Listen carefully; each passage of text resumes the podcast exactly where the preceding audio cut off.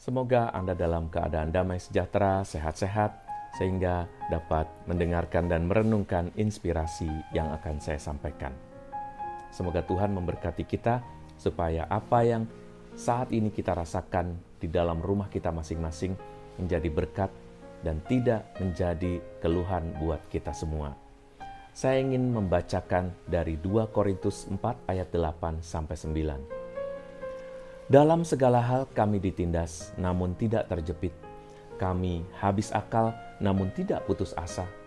Kami dianiaya, namun tidak ditinggalkan sendirian. Kami dihempaskan, namun tidak binasa.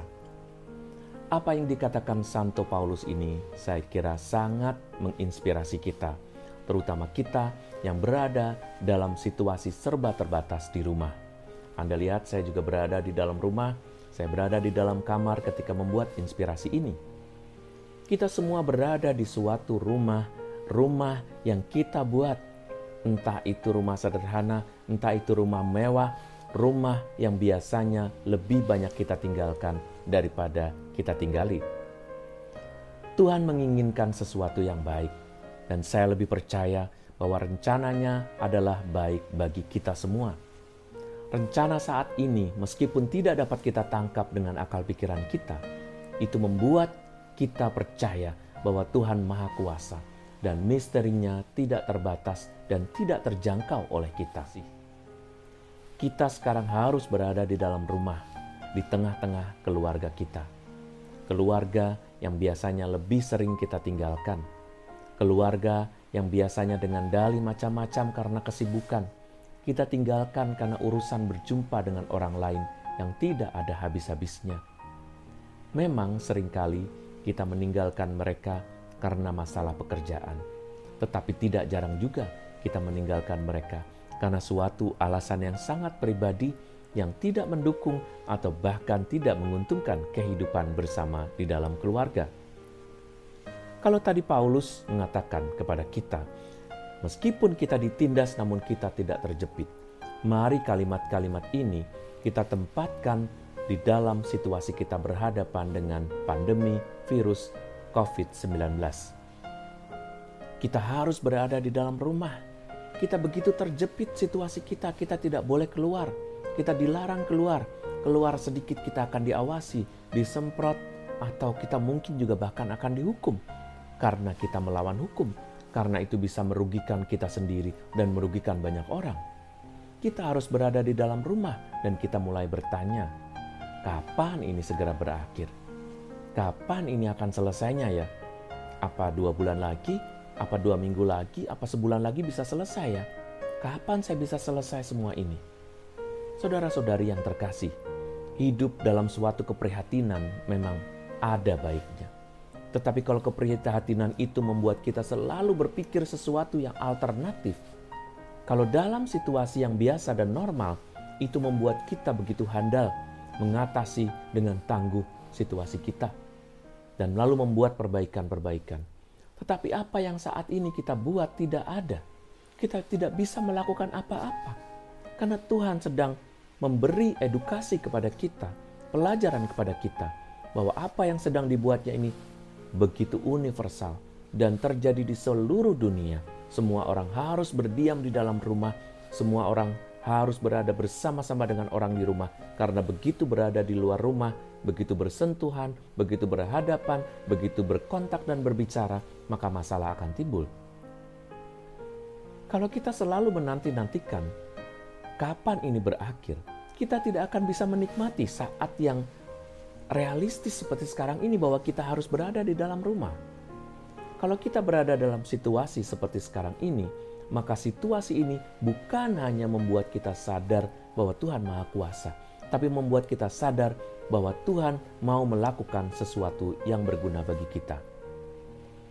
Mari kita belajar dari Paulus yang tidak pernah merasa ditinggalkan oleh Tuhan. Dia tidak pernah dapat memikirkan hal-hal yang terjadi dalam hidupnya yang begitu sulit.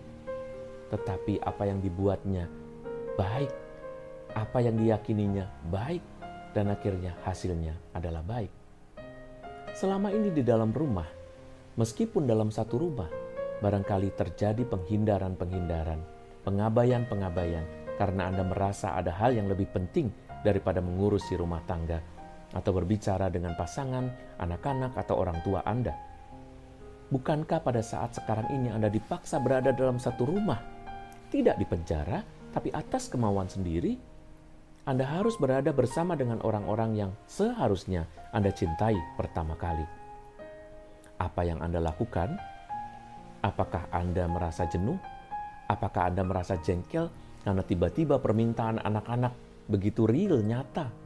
Menyuruh mamanya untuk memasak ini, memasak itu. Baru selesai dimasak, udah tanya, nanti makan siang apa? Selesai makan siang, udah tanya, makan malamnya apa? Hal yang biasanya tidak bisa anda lakukan, tiba-tiba bisa Anda lakukan. Hal yang biasanya tidak Anda kerjakan, harus Anda kerjakan. Menarik bukan? Kalau begitu, mestinya Tuhan menginginkan kita mengubah pikiran kita. Bahwa ini adalah saat bagi kita untuk merenovasi apa yang terjadi dalam hidup keluarga kita. Mari kita perbaiki, mari kita ajak bicara orang-orang yang selama ini sulit berbicara dengan kita. Mari kita perbaiki pasangan, anak-anak, atau orang tua yang mungkin sudah lama kurang dapat berkomunikasi dengan kita. Kita bersama-sama dengan mereka 24 jam. Sekarang kita lakukan sesuatu. Ini adalah saat renovasi besar bagi dunia ini. Kalau kita lihat, udara di semua kota di seluruh dunia tiba-tiba menjadi berubah sangat baik.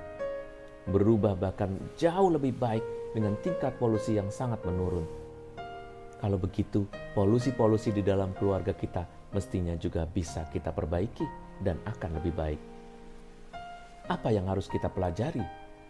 Saudara, saudari yang terkasih, kita pelajari apa yang belum selama ini kita buat.